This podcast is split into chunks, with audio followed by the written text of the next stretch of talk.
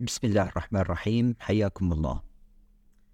آه، بالحلقة الأولى من بودكاست سبلاي تشين بالعربي. آه، كان مهم بالنسبة لي أنه آه، أختار موضوع جدا مهم اللي هو موضوع المعايير البيئية الاجتماعية والحكومية المعروف بالإنجليزي ESG Environmental Social Governance. بالبداية بس حتى أعطي نبذة عن الموضوع.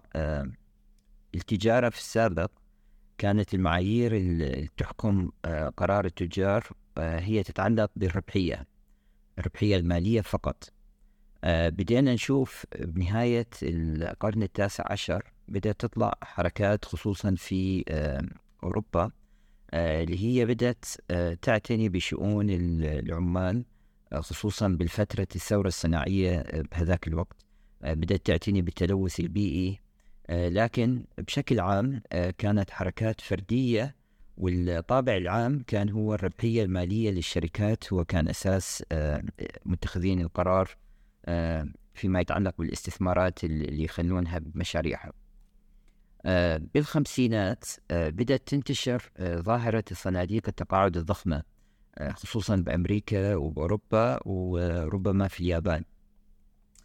فبهذيك الفترة آه، كان آه، أسهل لهذه الصناديق الضخمة أن آه، تبدي تحفز قسم من المعايير البيئية والاجتماعية والحكومية كجزء من الدور المنوط بها فيما يتعلق بالاستثمارات الضخمة اللي كانت تقوم بها.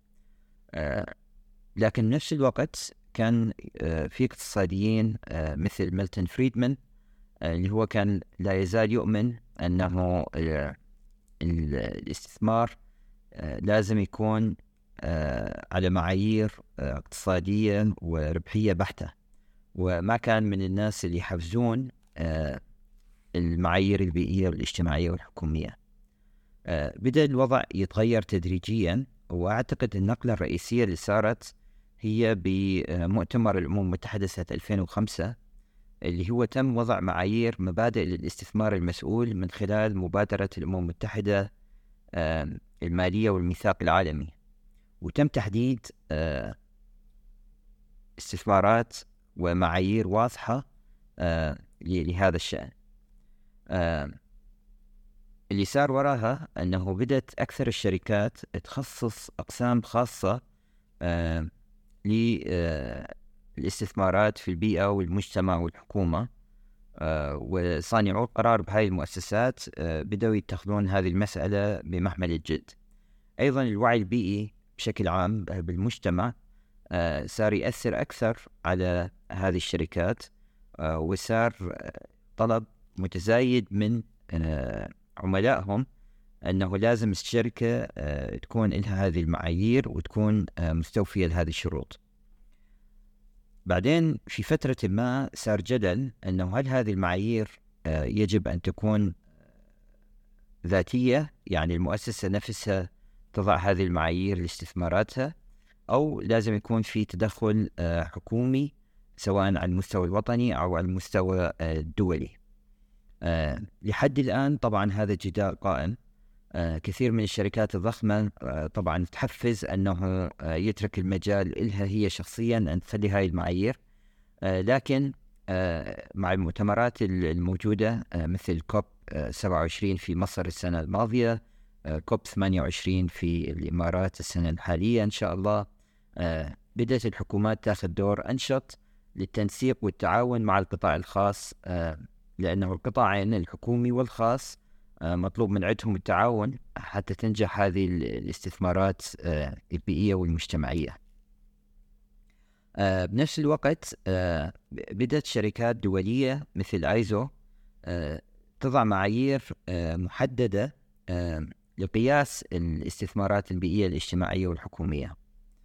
وبدأت شركات استثمارية خاصة مثل بروب سيجما أيضا تضع معايير. وبدت مؤشرات عالمية آه، لقياس هذه المعايير مثل مؤشر آه، داو جونز للاستدامة ومؤشر FTSE4Good ومؤشر ام اس سي اي اي اس جي هذه المؤشرات آه، بدأت تعطي آه، رؤية واضحة للشركات آه، فيما يتعلق بنجاح استثماراتها وفيما يتعلق بمقارنة استثماراتها مع استثمارات الشركات الأخرى.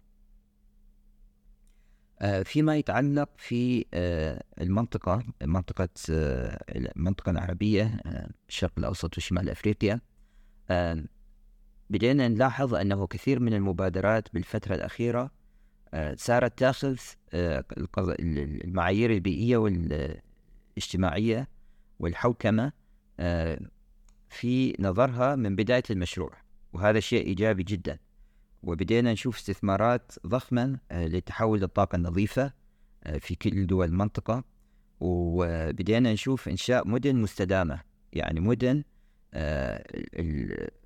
الكاربون أو CO2 footprint آه، آه، الملوثات اللي تطلع أثناء آه، بناء المجمعات هذه وأثناء السكن فيها تكون حسب معايير دولية فيما يتعلق باقل قدر ممكن من من التلوث. فطبعا يعني هذه الاستثمارات الضخمة إن شاء الله في المستقبل راح تخلي المنطقة من المناطق الرائدة فيما يتعلق ب ال CO2 footprint فيما يتعلق بسلسلة الإمداد آه، طبعا آه، كثير من دول المنطقة بدأت تستثمر بالطاقة النظيفة وبالمواصلات النظيفة المستدامة مثل سكك الحديد.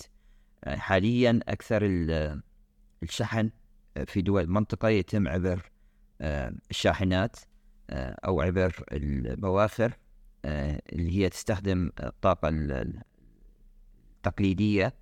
اللي هي تسبب تلوث للبيئة لكن اللي شايفينه أنه في استثمارات ضخمة في قطاع سكك الحديد مثلا ترابط بين دول الخليج العربي العراق لديها مشاريع أيضا مصر عندها مشاريع فيما يتعلق بالسكك الحديد آه، فهذا الترابط وراح إن شاء الله آه، يبدي يقلل من آه، الكربونات والانبعاثات الكربونية ويوفر حلول مستدامة تتناسب مع المعايير البيئية. بالإضافة لشبكات المترو طبعا شبكة دبي كانت من الشبكات السباقه مترو الرياض قريبا إن شاء الله راح تكون هناك يعني عدة خطوط آه، ومحطات آه، وراح تقلل الانبعاثات الكربونية بشكل ملحوظ آه، في مدينة الرياض.